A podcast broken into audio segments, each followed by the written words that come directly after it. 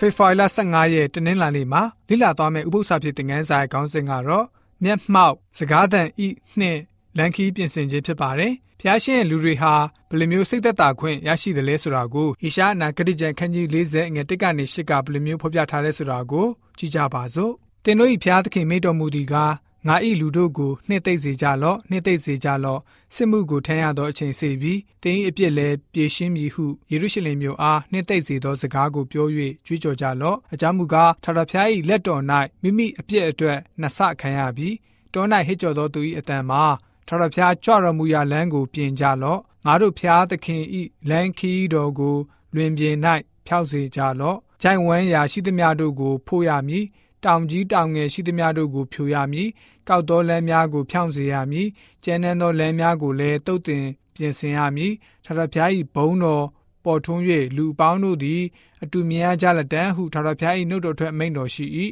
တဖန်ထိုအတန်ကဟစ်ကြော်လောဟုဆိုလင်ငါကအဘေယာကိုဟစ်ကြော်ရမည်နည်းဟုမေးတော်လူမျိုးရှိသမျှသည်မြက်ပင်ဖြစ်၏လူမျိုး၏ဘုံရှိသမျှသည်လည်းတောပွင့်ကဲ့သို့ဖြစ်၏ထာဝရဘုရား၏ လေတိုက်သောအခါမြက်ပင်သည်ညှိုးနှံသွေးချောက်တတ်၏အပွင့်လဲကျွေတတ်၏အကယ်စင်စစ်လူတို့သည်မြက်ပင်ဖြစ်ကြ၏မြက်ပင်သည်ညှိုးနှံသွေးချောက်တတ်၏အပွင့်လဲကျွေတတ်၏ထထဖျားဤနှုတ်ကပတ်တရားမူကားကာလအစဉ်မြဲတည်၏ဟုဆိုတည်းဆိုပြီးတော့ဖော်ပြထားပါတယ်။အမည်မဖော်တဲ့တဲ့ဝမ်းမြောက်ပွဲတဲ့တစ်ခုကတော့ဖျားသခင်ဟာသူ့ရဲ့ဘုန်းတော်ကိုလာရောက်ထင်ရှားပြသပါတယ်။အခြားသောအတန်တစ်ခုကတော့လူတွေဟာတည့်ရွက်နဲ့တူတယ်ခဏတစ်ဖြုတ်ကျွေလွင့်သွားရတယ် ဖျားသခင်ရဲ့နှုတ်တဲ့စကားကြတော့အစင်တီလိမ့်မယ်ဆိုတာပဲဖြစ်ပါတယ်။ဖန်သွားချုပ်ထားခြင်းကြော်လွန်ပြီးတဲ့နောက်မှာဖျားရှင်ရဲ့လူတွေဟာတိနာတောင်မှာရခဲ့တဲ့အရာကိုပြန်လည်ပိုင်ဆိုင်ခွင့်ရရှိပြန်ပါတယ်။ဖောက်ပြန်မှုအပေါင်းကိုလည်းနောက်နှရပြီးတော့ရှောင်ကျဉ်ကြပါတယ်။ကျူးလွန်ခဲ့ပြီးတော့ဒဏ်ခံရတဲ့အရာတွေကိုလည်းပဲရှောင်ရှားကြပါတယ်။ဖျားရှင်ရဲ့မျက်မှောက်တော်နဲ့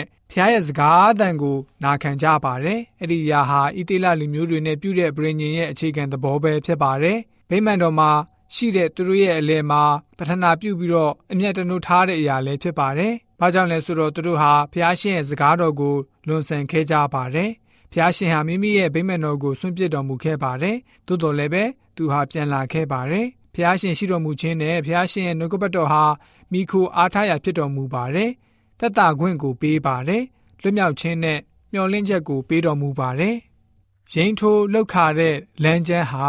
ရှင်ဘရင်တပားနဲ့မသင့်လျော်ပါဘူး။ဒါကြောင့်ရှင်ဘရင်ကြွလာဖို့လမ်းကိုပြင်ဆင်ထားရပါတယ်။အဲ့ဒါထက်မကကြီးမြတ်ပြီးတော့ဘရင်တကာတွေရဲ့ဘရင်ဟာအရှိမျက်နှာအရက်မှာကြွလာမှာဖြစ်ပါတယ်။သူဟာမိမိရဲ့လူတွေနဲ့အတူနှစ်ပေါင်းရာစုများစွာတိုက်ခိုက်သိမ်းပိုက်ခံရပါတယ်။နယ်မြေဒေသတွေကိုအစင်သစ်ပြန်လည်ပြုပြင်စီစဉ်ဖို့အကြီးစားဆောက်လုပ်ရေးရန်တရားတွေနဲ့ကြောက်ဆောင်တွေဖောက်ခွဲပြီးတော့မြေတူးဆက်တွေနဲ့မြေတွေကိုညှိဖို့ယေရုရှလင်မြို့ရဲ့အရှိပိုင်းမှာလမ်းကိုပြင်ဖို့လိုပါတယ်။ သခင်ဖျားတပါးတည်းသာအဲ့ဒီအလုပ်ကိုလုပ်နိုင်မှာဖြစ်ပါတယ်။ဖျားရှင်အနေနဲ့ရှားနာဂတိကျန်ခန်းကြီး40နဲ့ငယ်16မှာကျမ်းမ်းသောလမ်းကိုဖြောင်ပြူးစေတော်သူဖြစ်တယ်ဆိုပြီးတော့ဖော်ပြထားပါတယ်။သို့တော်ဖျားရှင်ဟာ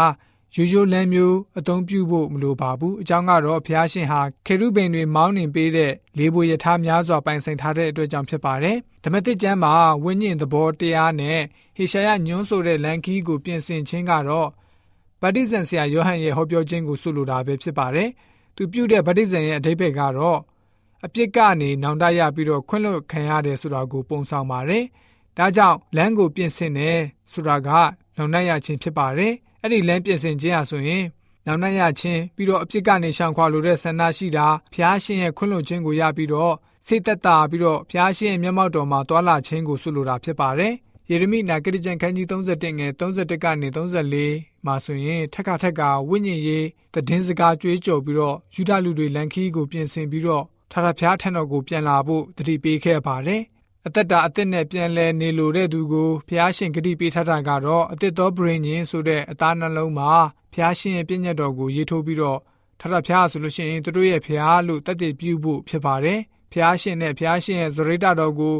နားလေသဘောပေါက်ဖို့လိုပါတယ်အကြောင်းကတော့ခွင့်လွှတ်ခြင်းခံရတဲ့အတွက်ကြောင့်ဖြစ်ပါတယ်။ဣရှာနာဂရိကျန်ခန်းကြီး40ငယ်6နဲ့8ကိုဖတ်လိုက်တဲ့အခါမှာလူတွေရဲ့အသက်တာဟာမျက်ပင်လိုပဲ၆တွေ့တက်တာကိုတွေ့ရပါတယ်။ဒါပေမဲ့ဖျားရှင်နှုတ်ကပတ်တရားတော်ဟာအစဉ်မြဲတည်တယ်ဆိုတာကိုတွေ့ရပါတယ်။ဒီတကြောင်ကျွန်တော်တို့ညကြည်သူများအနေနဲ့ဖျားရှင်ဒုတိယကျင့်ကြွလာခြင်းနဲ့ပတ်သက်ပြီးတော့မိမိတို့ရဲ့အသက်တာကိုပြင်ဆင်ပြီးတော့နှုတ်ကပတ်တော်ရဲ့ဖော်ပြချက်အတိုင်း မျှော်လင့်ချက်နဲ့အသက်ရှင်တဲ့ယဉ်ကျေးသူတွေဖြစ်စေဖို့အတွက်တနင်္လာနေ့ဥပုသ္စာဖြစ်တဲ့ငန်းစာကဖော်ပြထားပါတယ်။